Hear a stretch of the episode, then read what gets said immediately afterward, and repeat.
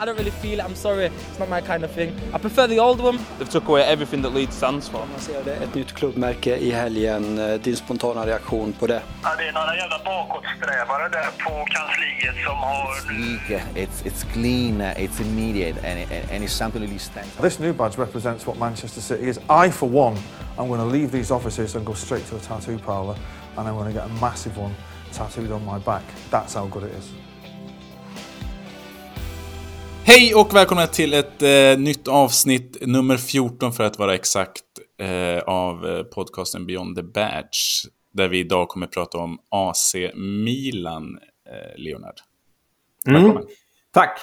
tack så mycket. Eller välkommen, vi sitter ju inte med varandra, men, men tack ändå i det här poddavsnittet i alla fall. Vi kan vara lite tydliga med att är det dåligt ljud så är det för att vi är på tre olika platser.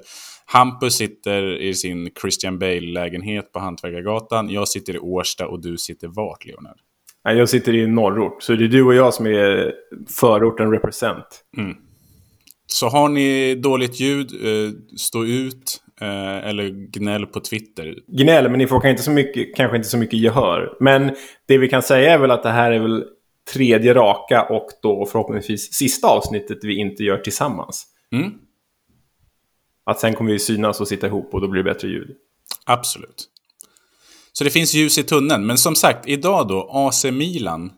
Ja, det är ju jäkligt speciellt för det är ju, om vi, innan vi går in på klubbmärkena och dess historia, så är ju Milan ett sånt jäkla, ett fotbollens adelshus liksom. Milan är ju en enorm fotbollsinstitution, du vet, med, med namn som Sacchi och Costa Curta och Pirlo, Gattuso, Cedor, van Basten, Schullit, Inzaghi, Shevchenko och så vidare.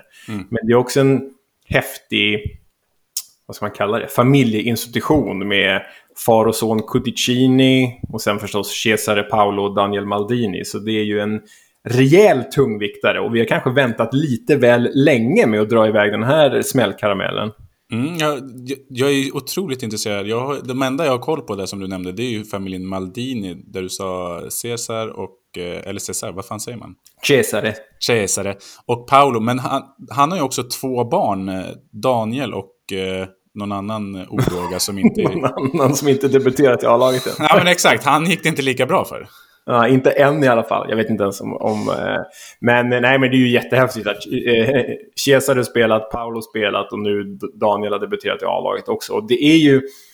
Det var det jag sa, att Milan är ju en sån fotbolls, familjefotbollsinstitution där eh, Carlo Codicini, som var målvakt i Chelsea en gång i tiden, han började i AC Milan. Och hans pappa, ja, legendarisk AC Milan-målvakt. Och den här liksom familjetraditionen att ta hand om det sina. Det går ju igen i Milan. Jag vet inte om ni kommer ihåg Ibrahim Ba som gjorde en sejour i Djurgården. Jo, han var där och harvade en stund, ja. Mm. Han Inget var, större avtryck, men eh, han har också spelat i Milan. ja, alltså han, han var ju med i VM 98 va, om, jag, om jag minns rätt för Frankrike och vann VM-guld. Och så spelade, när han var som bäst spelade han ju i Milan. Sen gick han ner sig och hamnade på dekis och hamnade i Djurgården. Men har inte han eh, någon grabb som spelar också, eller? Ja, det vet jag inte, men jag tänkte exemplifiera med att de är så bra på att ta hand om sina killar. För efter att bara hade spelat i Djurgården och varit inte jättedeltagande kanske, så fick Nej. han ju ett nytt kontrakt med Milan. Så han, och det var inte för att han skulle spela, utan bara för att, ah, okej, vila dig bara och du är en av oss. Så här får du kontrakt och liksom avsluta karriären i princip. Så Milan är ju en väldigt fin eh, förening på så sätt. De tar hand om sina killar liksom. Och det är fint. Ja, verkligen. Det är ju eh, någonting som kanske saknas i många svenska klubbar. Att man tar tillvara på de som faktiskt har varit där. Mer än att det är en avtackning innan match. Liksom. Mm, exakt. Det är, ja, det, är, det är något annat. Milan är bra på det där. Det får man göra. Ja. Ska vi börja gå in i eh, gravitera mot eh, klubbmärket?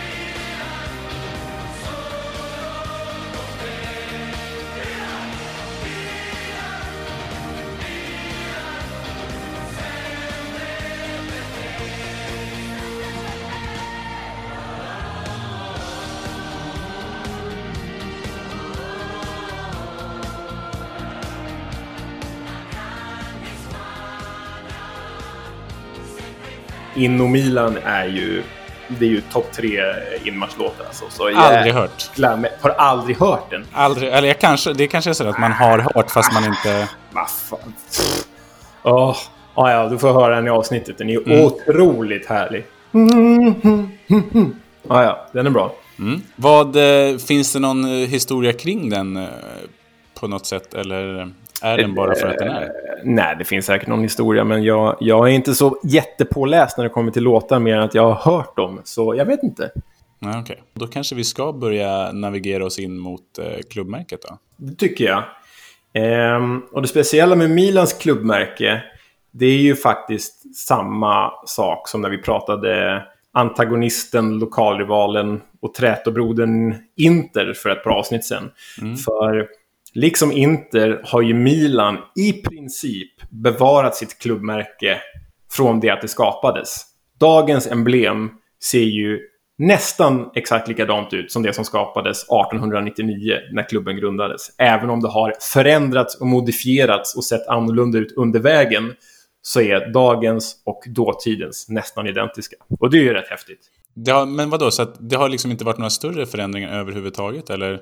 Ja, men det, har, det har varit lite förändringar, eh, absolut. Eh, och en större förändring som vi kommer komma till sen, eh, på 70-talet. Men jag tycker nästan att vi ska börja från början, eftersom att det är dagens emblem som ni ser på Instagram. Vad heter vi på Instagram förresten? Beyond the Badge podcast, Twitter och Instagram. Där lägger vi upp första bilden från 1899. Där har man hängt med i tidigare avsnitt så vet man att det inte är den engelska flaggan som flankeras till höger i emblemet, utan det är eh, Sankt Ambrosius eh, kors, eller? Mm, exakt, Ambrosiuskorset. Och vi kan väl börja där någonstans. För när Milan grundas så grundas de då eh, vid sekelskiftet 18-1900-talet. Så det är 1899. Och de grundas av ett par engelsmän tillsammans med en grupp italienare. Men framförallt är det två engelsmän vid namn Alfred Edwards och Herbert Kilpin som är drivande när den här eh, föreningen startas. Ehm, och det återspeglas ju i det första emblemet, precis som du är inne på. För det passar ju väldigt bra att använda sig av staden Milanos Ambrosiuskors om man är engelsman. Eftersom att engelsmännen, för engelsmännen ser det ut som George-korset då, eller Georg-korset. Eller Göran-korset kanske man säger på svenska då. Ehm, och, och eh, det är ju liksom deras, det är ju engelsmännens, engelsmännens nationssymbol. Så att då använda Ambrosiuskorset som är heligt för staden Milano. Det är ju, Ambrosius är ju eh, Milanos skyddshelgon som vi varit inne på tidigare. Att använda det som engelsman blir ju nästan dubbelt för det blir en hyllning till Ambrosius men det blir också en hyllning till England eftersom att korset ser likadant ut som, som George-korset. De smörjer två krås samtidigt så att säga. Ja, ja, men exakt. Och det är ju det är en ganska snygg lösning. Eh, tycker jag i alla fall. Och det var inte bara det här som var engelskt från början och hade engelskt in inflytande. Uh, för klubben hette ju inte AC Milan från början, utan den hette Milano Football and Cricket Club. Ah, okej. Okay. Så de är också sprungna ur cricket alltså? Mm. Jag påstod ju att Tottenham också var det. Ja, just det. det kom, vi, kom vi till någon bukt med det? Nej, jag tror inte det. Men det får folk jättegärna höra av sig om och säga om det var så eller inte var så. Men okej, okay, så de här var alltså fotboll och cricket från början? Ja, exakt. Och det återspeglas ju i, i emblemet som alla kan se på, på vårt Instagram och på Twitter. För ovanför klubbfärgerna och ovanför Ambrosiuskorset så står akronymet, förkortningen MFBC istället för ACM som det står idag. Då. Och MFBC är ju Milano Football en Cricket Club. Eh, och det är faktiskt så att de, av någon anledning så särskrev de fotboll på den tiden. Eh, det är rätt intressant. Det är därför B får en prominent plats i förkortningen här. Eh, och när vi pratade Inter i det avsnittet, då pratade vi om att de valde svart och blått som en motpol till Milans rött och svart. Och varför mm. valde de rött och svart då? Ja, det, det är nämligen så att om man ska citera Herbert Kilpin, engelsmannen som myntade det här, så valde de rött och svart för att, citat, Rött som djävulens eldar och svart för motståndarnas rädsla när de möter oss. Det låter som någonting som Tengel hade kunnat säga också. Så det finns ju ett mörker och eh, så i det. Verkligen. Ja. Och Kilpin utvecklade det här genom att säga att eh, eh, det här är ett bra val i sportsammanhang. För här måste vi vara starka, bestämda och ibland även elaka nog för att sätta oss i respekt hos våra motståndare, för att skrämma dem. Ehm, Jag vet inte hur många motståndare som faktiskt blev rädda av att de var rödsvarta, men det var i alla fall den imagen de ville ha. Det var den bilden de ville måla upp när de skapade sin klubb då, helt enkelt. Vilka andra tydliga lag är röda och svarta då? Ja, Brommapojkarna är det första som jag, jag tänkte på. De Är det känns inte något brasilianskt eh, som är eh, röda och? Jo, eh, Flamengo, största klubben i Brasilien, mest publik. Eh, de känns ju lite mer skräckinjagande än BP. Har du någon fransk klubb då, där du, du är frankofil? Någon fransk klubb, eh, rödsvart, ja men det måste ju finnas. Det kanske men- inte är så vanligt då? Som Jo, Nice. Nice är rödsvartrandig. Ah, ja. Eh, men de är ju lite halvitalienare också, så det, Mm. det kanske inte räknas. Okej, så de valde alltså rött och svart eh, lite sprunget ur eh, för att skrämma motståndarna på något sätt? Ja, ja men exakt. Och eh, det, var, det var egentligen anledningen, ingen större anledning än så. Det här utgör ju egentligen eh, det första klubbmärket. Färgerna, Ambrosiuskorset, eh, akronymet i topp och årtal för klubbens grundande i botten. Men jag tänkte att vi skulle fördjupa oss lite i Ambrosius. Eftersom att vi, vi nämnde ju honom i avsnittet om Inter, det är ofrånkomligt med, med korset. Men vem var han egentligen? Har du koll på det?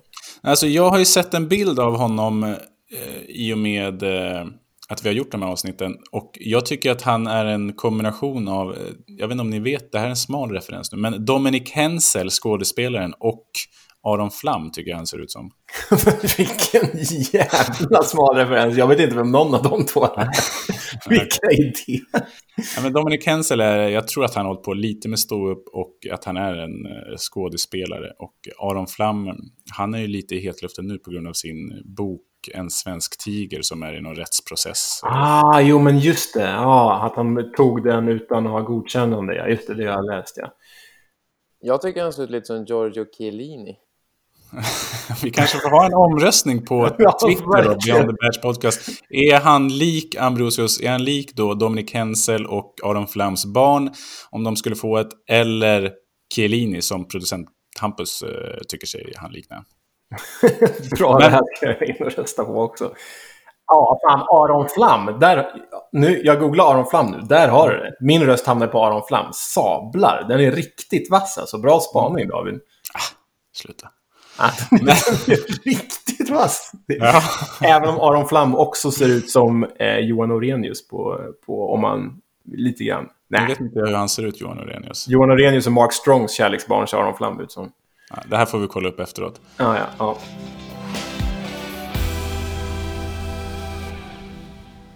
Varifrån, när kommer och vad har vi på eh, Ambrosius? Jo, eh, engelsmännen då eh, ville ju, ville ju och tyckte väl att det här var liksom Georgkorset. Men Sankt Göran är ju i, i, inte så vanlig i Italien, utan han är ju eh, beskyddare och helgon i Genua. Så Sampdoria och Genua har ju använt eh, Georgkorset i sina klubbar eh, genom åren.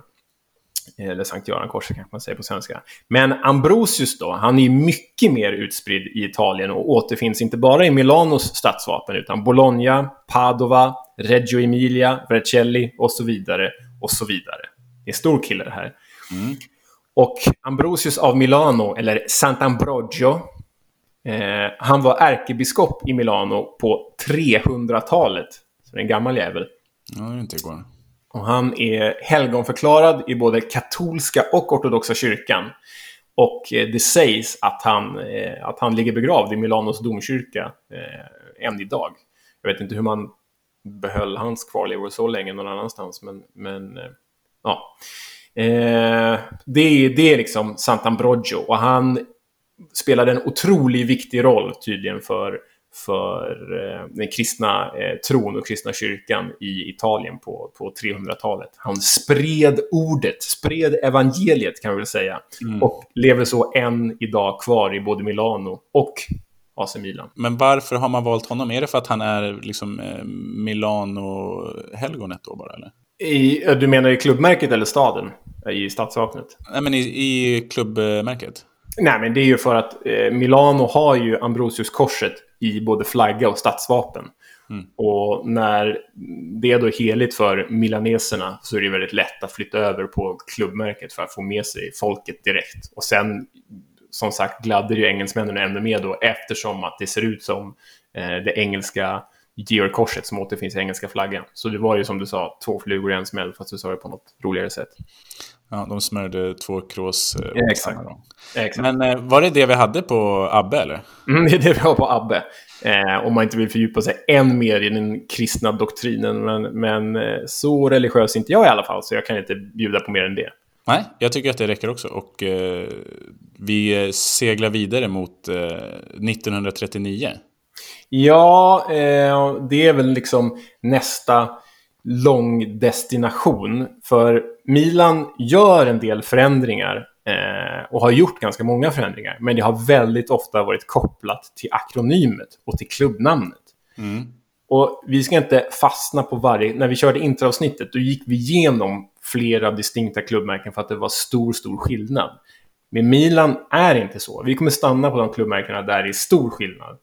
Men de här där man bara byter förkortning Mm. bryr oss inte så mycket om med att vi kan stanna vid ett par år och bara säga vad som händer. De hade ju här när de, när de började då, hette de ju MFBC.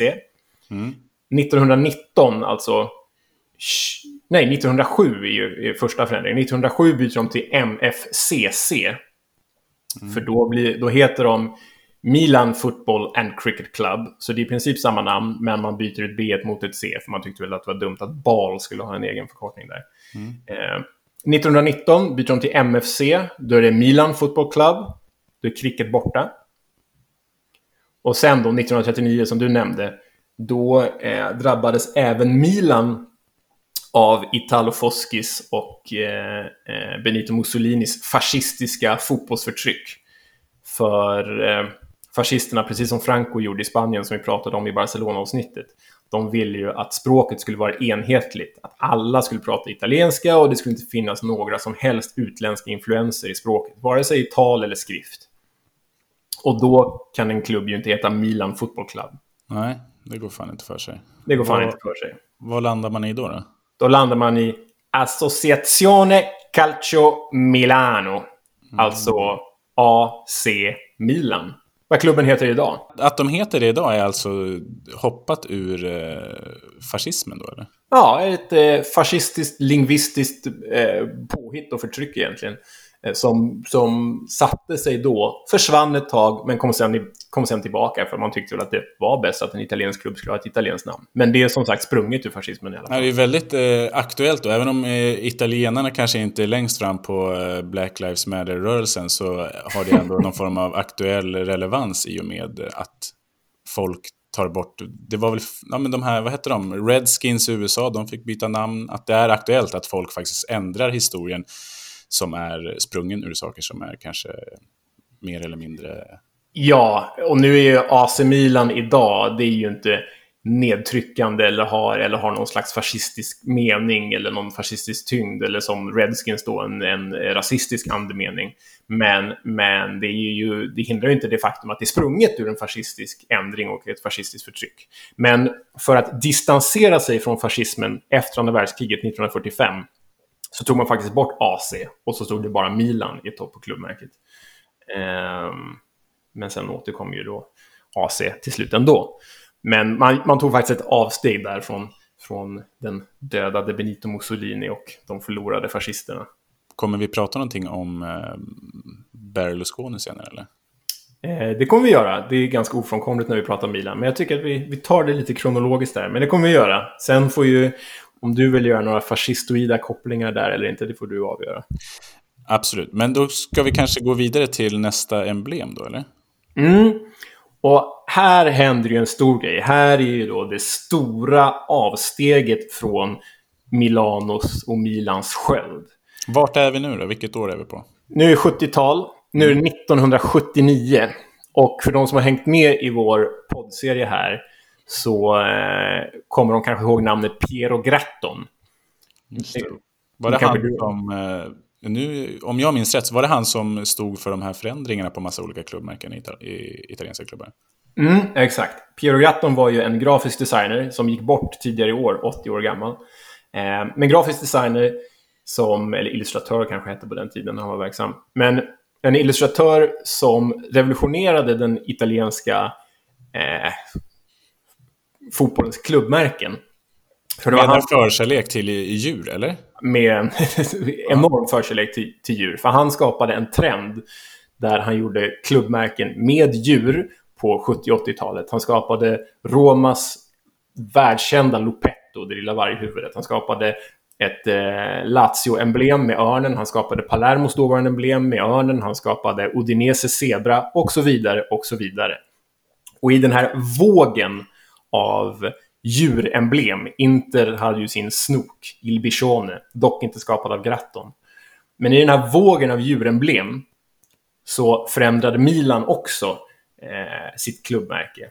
Och man kan väl säga att det här liknar lite eh, för de som är insatta i det, men den amerikanska klubbmärkestraditionen, emblemtraditionen, att man har en second logo som eh, NHL och NFL och NBA har. Alla klubbar har ju en second logo. Um, men det har vi väl också kunnat se och nämnt lite i den här podden om att typ Tottenham eller eh, andra går mot också. Ja, och eh, det har ju varit då för Milans del sprunget ur färgerna så har ju djävulen, Il Diavolo, varit deras second logo genom alla år. De har liksom eh, identifierat sig med djävulen och låtit djävulen avbilda dem i många sammanhang före 70-talet. Men det har aldrig varit deras primära klubbmärke. Men då, 1979, när alla andra ligakonkurrenter byter till djur, då byter Milan till sin djävul. Ja, det går ju lite, alltså det går ju hand i hand med val av klubbfärger, men att man då också har Ambrosius som eh, skyddshelgon vet jag inte hur det går hand i hand. Nej, det går... Men det piggar upp, det gör det.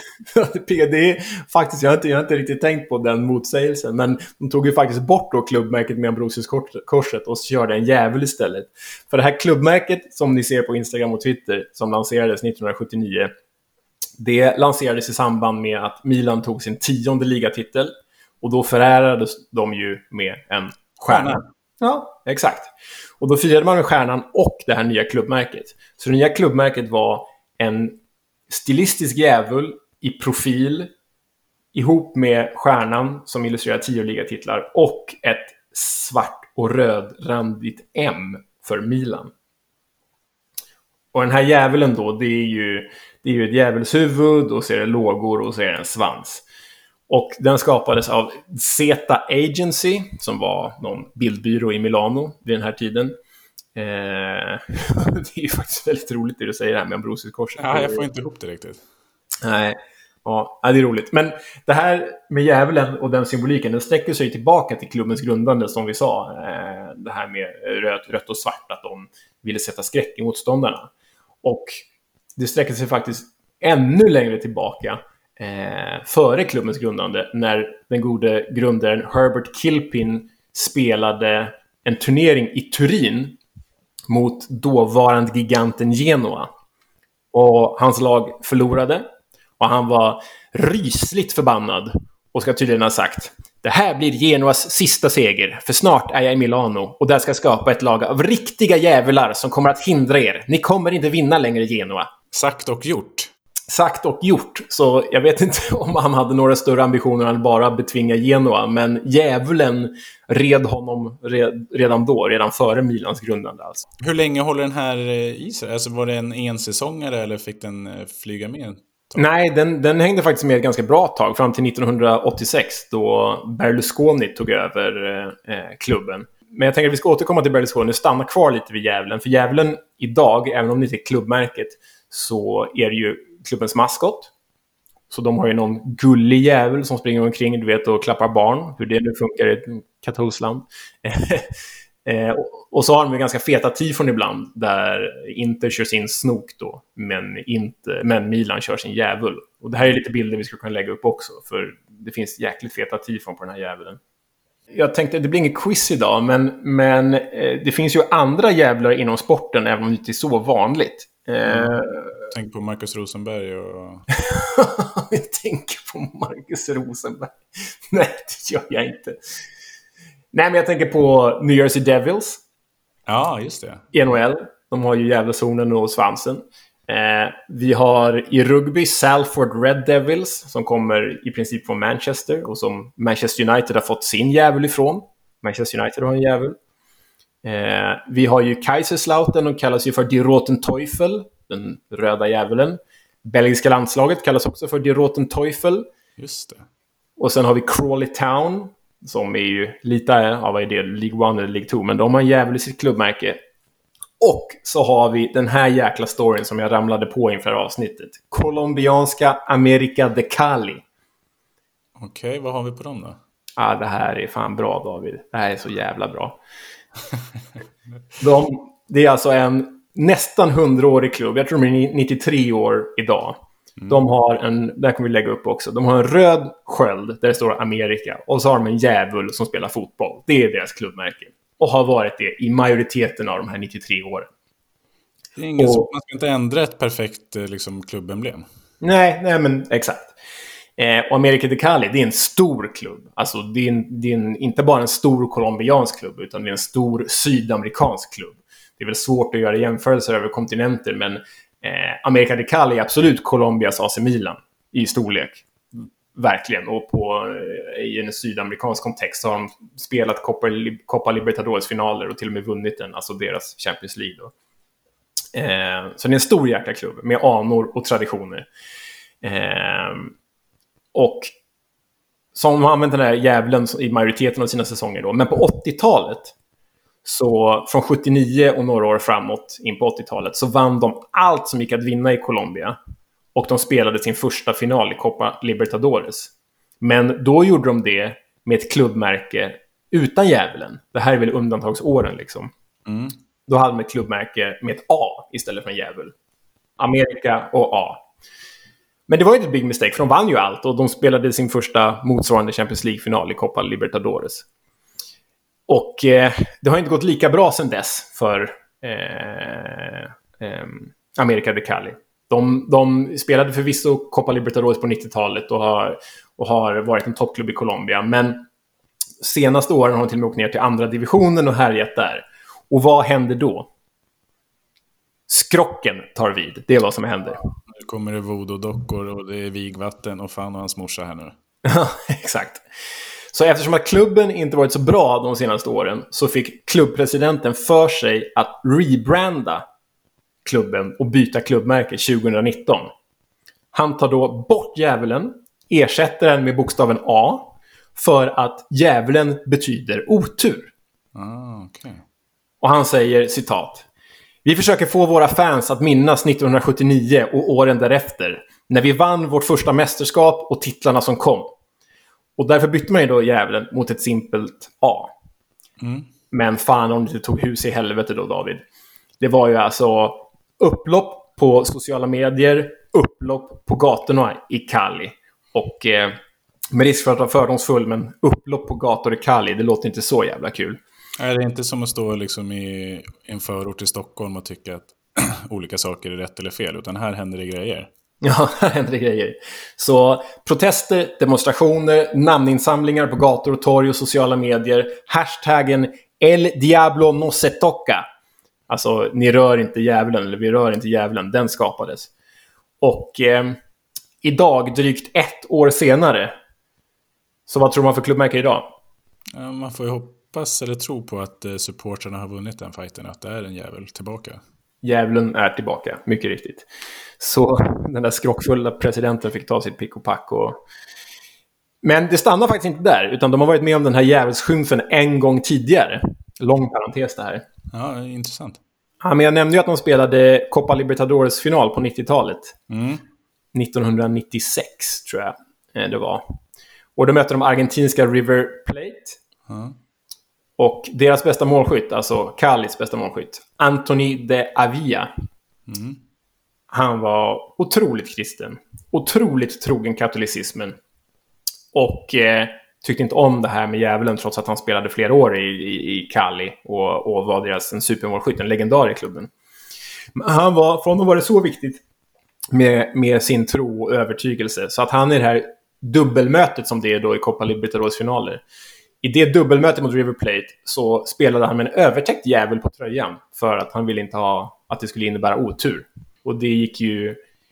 I och med att han var den han var så gick det ju hem, för han gjorde mål i första matchen och att han var deras stora spelare. Men det gnisslades lite om det hos fansen också. Varför täcker du över vår, jä- vår djävul för? Men är de, har vi koll på vart de... Är de fortfarande i division 2 här igen nu eller? Nej, jag tror att de är tillbaka i högsta divisionen, men de är liksom inte...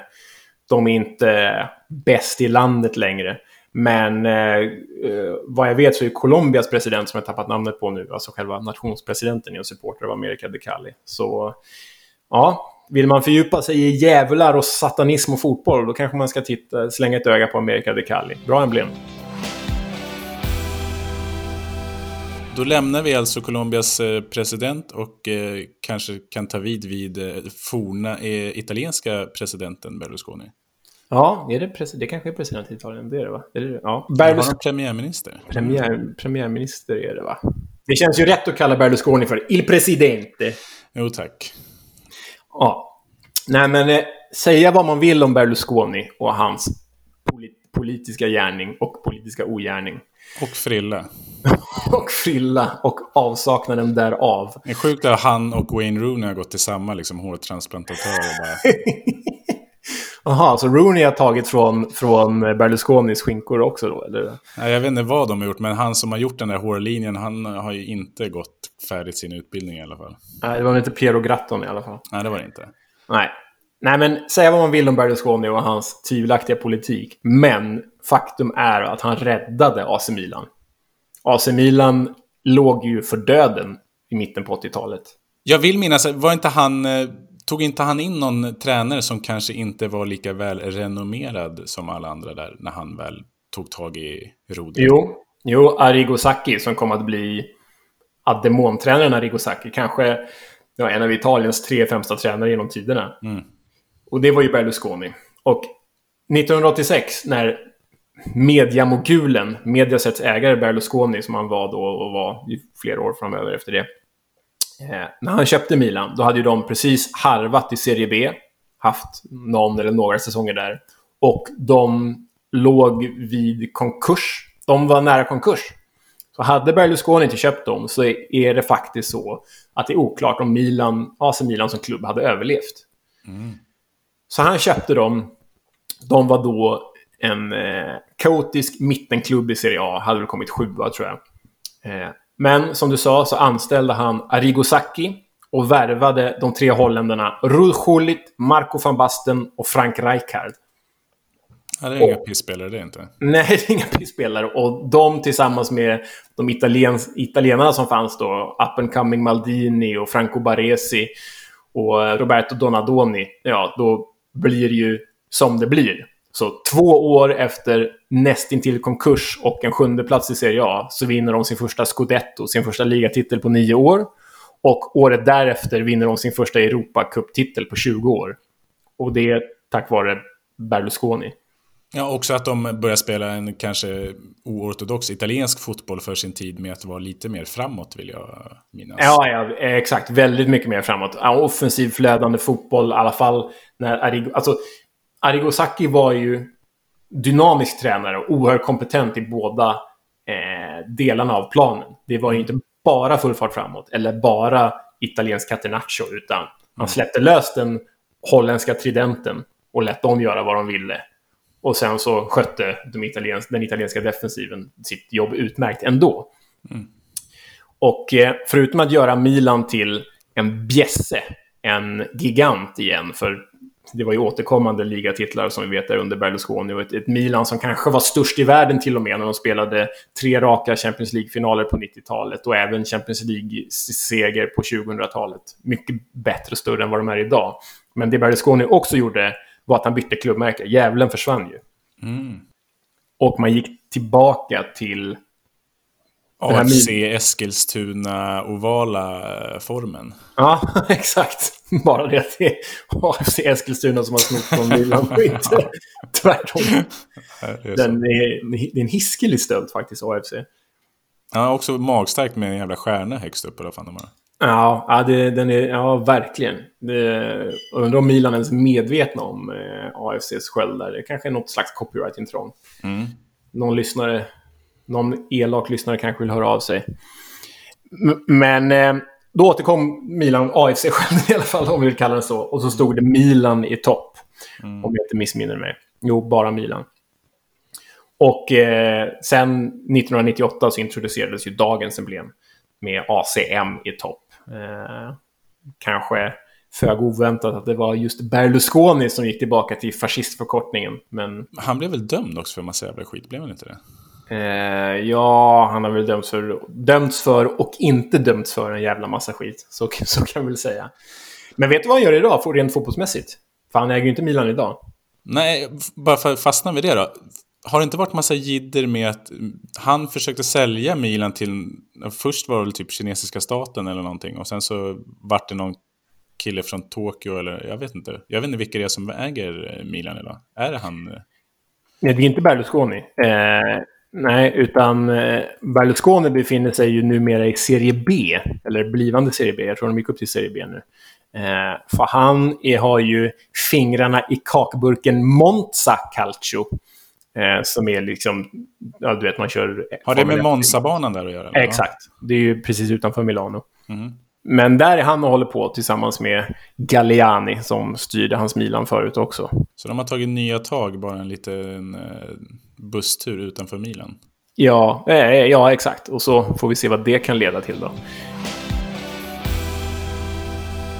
Vi ska återknyta till Milans klubbmärke så gjorde de ju... Eh, bar de ju faktiskt Ambrosiuskorset eh, enbart på tröjan för ett par år sedan. Jag tror det är så sent som 2017. Så istället för klubbmärket så hade de bara Ambrosiuskorset för att hedra Ambrosius och staden Milano. Precis som jag, jag tror att jag nämnde det i något avsnitt att eh, Inter hade det på sitt bortaställ. Eh, Exakt, precis så. Ehm, och sen gjorde de ju en ganska speciell sak för, har inte åren rätt i huvudet här, men det kanske 2014, 2015. Då grundade de Casa Milan, som är liksom, ja men AC Milans bas, typ. Är Milanello bara träningsplatsen och det här är någon form av huvudkontor, eller? Ja, exakt. exakt. Alltså Milanello är träningsanläggningen utanför Milano och Casa Milan är kontoret i Milano. Och då fick Casa Milan, som även innehåller någon slags restaurang eller bistro, då fick Casa Milan ett eget klubbmärke inom citationstecken. Som är röda och svarta ränder i 3D formade till någon slags boll. Är, vet du vad jag pratar om? Ja, jag vet att jag har sett det. Ja, Absolut. det, ja, det är fruktansvärt fult om du frågar mig. Ja. Eh, men den bollen, Casa Milan-bollen, återfanns ju faktiskt på tröjorna under den här säsongen också. Jag kommer inte ihåg exakt om det var 2013, 14, 15, men där någonstans. Eh, den satte sig väl aldrig den loggan mer än att den är på Casa Milans hemsida idag. Eh, men fruktansvärt fult sattyg som vi också borde lägga upp på Instagram. Jag tror att om- jag tycker att det är rätt intressant med vad olika lag förknippas med för tröjsponsorer. Och jag vet inte om det var Adidas som var tröjsponsor just då. Eh, det kan faktiskt vara det. De har Adidas har ju själva en, inom situationstecken då, en ny logga som också är, liknar den som Casa Milan har. Eh, så jag vet inte om de två hänger ihop. Det hade vi kunnat kolla upp, eller om någon som vet på Twitter eller Instagram, Beyond the Badge podcast, eh, kanske kan meddela oss. Ja, verkligen. Meddela oss. Hör av er. Prata med oss. Jag fick också lära mig, eh, bara för någon vecka sedan, vad de här, eh, den italienska flaggan med en bullseye, vad det betyder. Varför man har det på tröjorna. Ni Coppa Italia ju. Ja, jag hade ingen aning. Är italiensk mästare. Hallå. Ja, ja men verkligen. Men det är inte jag som är uh, Rainman här, det är du. Ja, men du behöver inte vara Rainman. Du behöver bara gilla... Du behöver bara veta att en boll är rund så vet du det. Ja, det är sig sant. Men vad förknippar du eh, Milan med för uh, tröjsponsor så att säga?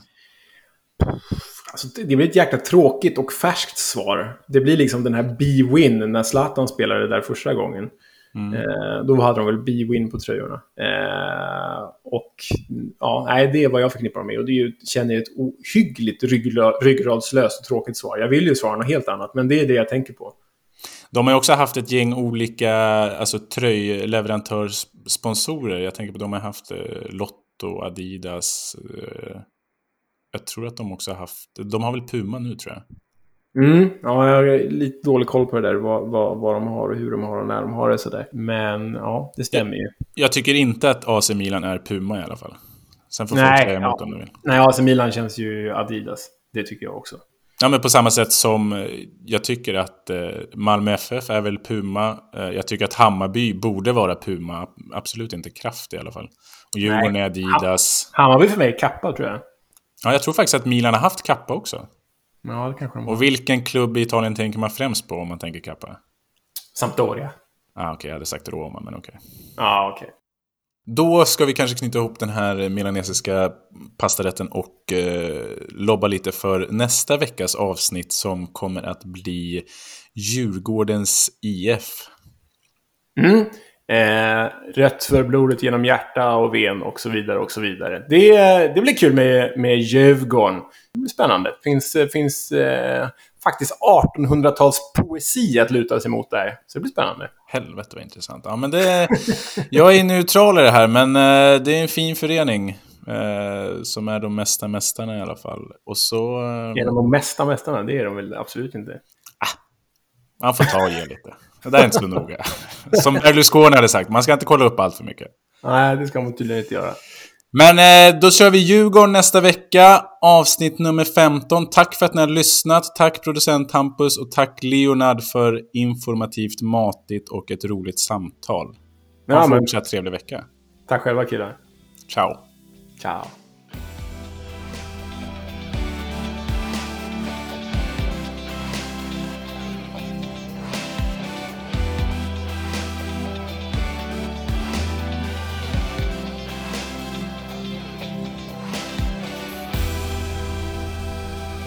Jag träffade min kusin nu eh, här bara för några veckor sedan när vi semestrade eh, i Skåne. Eh, och han och hans familj och syskon har alltid varit i Varberg på somrarna.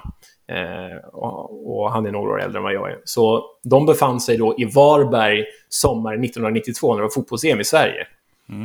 Och eh, det var ju en annan tid, det kan man lugnt säga. För då hade holländska landslaget eh, sin EM-bas i Varberg.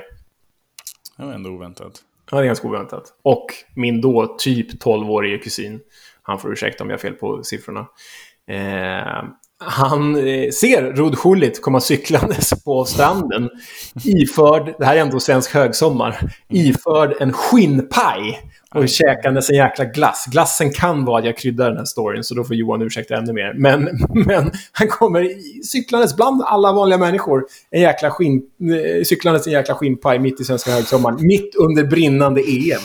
Jävlar. Det är ju faktiskt jäkligt bisarrt. Det skulle, det skulle inte hända idag. Ja, men det är också sånt här som... Tack gode gud att det inte fanns mobiler. Eller man hade kanske velat ha en bild på när han rullar upp i sin travtattajacka där och käkar en, en nogger liksom hungrigt och febrigt. Men eh, ja, man uppskattar att det inte finns bild på allt. Ja, fast tänk om det kunde vara så idag. Man vill ju, man vill ju se... Man vill ju se Cristiano Ronaldo cyklandes på, en- på en strand, käkandes en sandwich och... Ja. Det tar ju också ifrån alla de, här, alla de här fotbollskillarna som liksom... De har ju två kommentarer på Twitter. Det är så här, avgå alla eller höj er. Det är de två grejerna de säger. Och de lever ju för de här fiskehistorierna. Som, hade det här varit någon annan fotbollskille, då har den här... Det här kanske bara var liksom att han sprang förbi i träningskläder, men den har liksom åldrats med att han har cyklat och att han har käkat glass och sen kommer det vara liksom en calzone på pakethållaren. Och... ja, verkligen.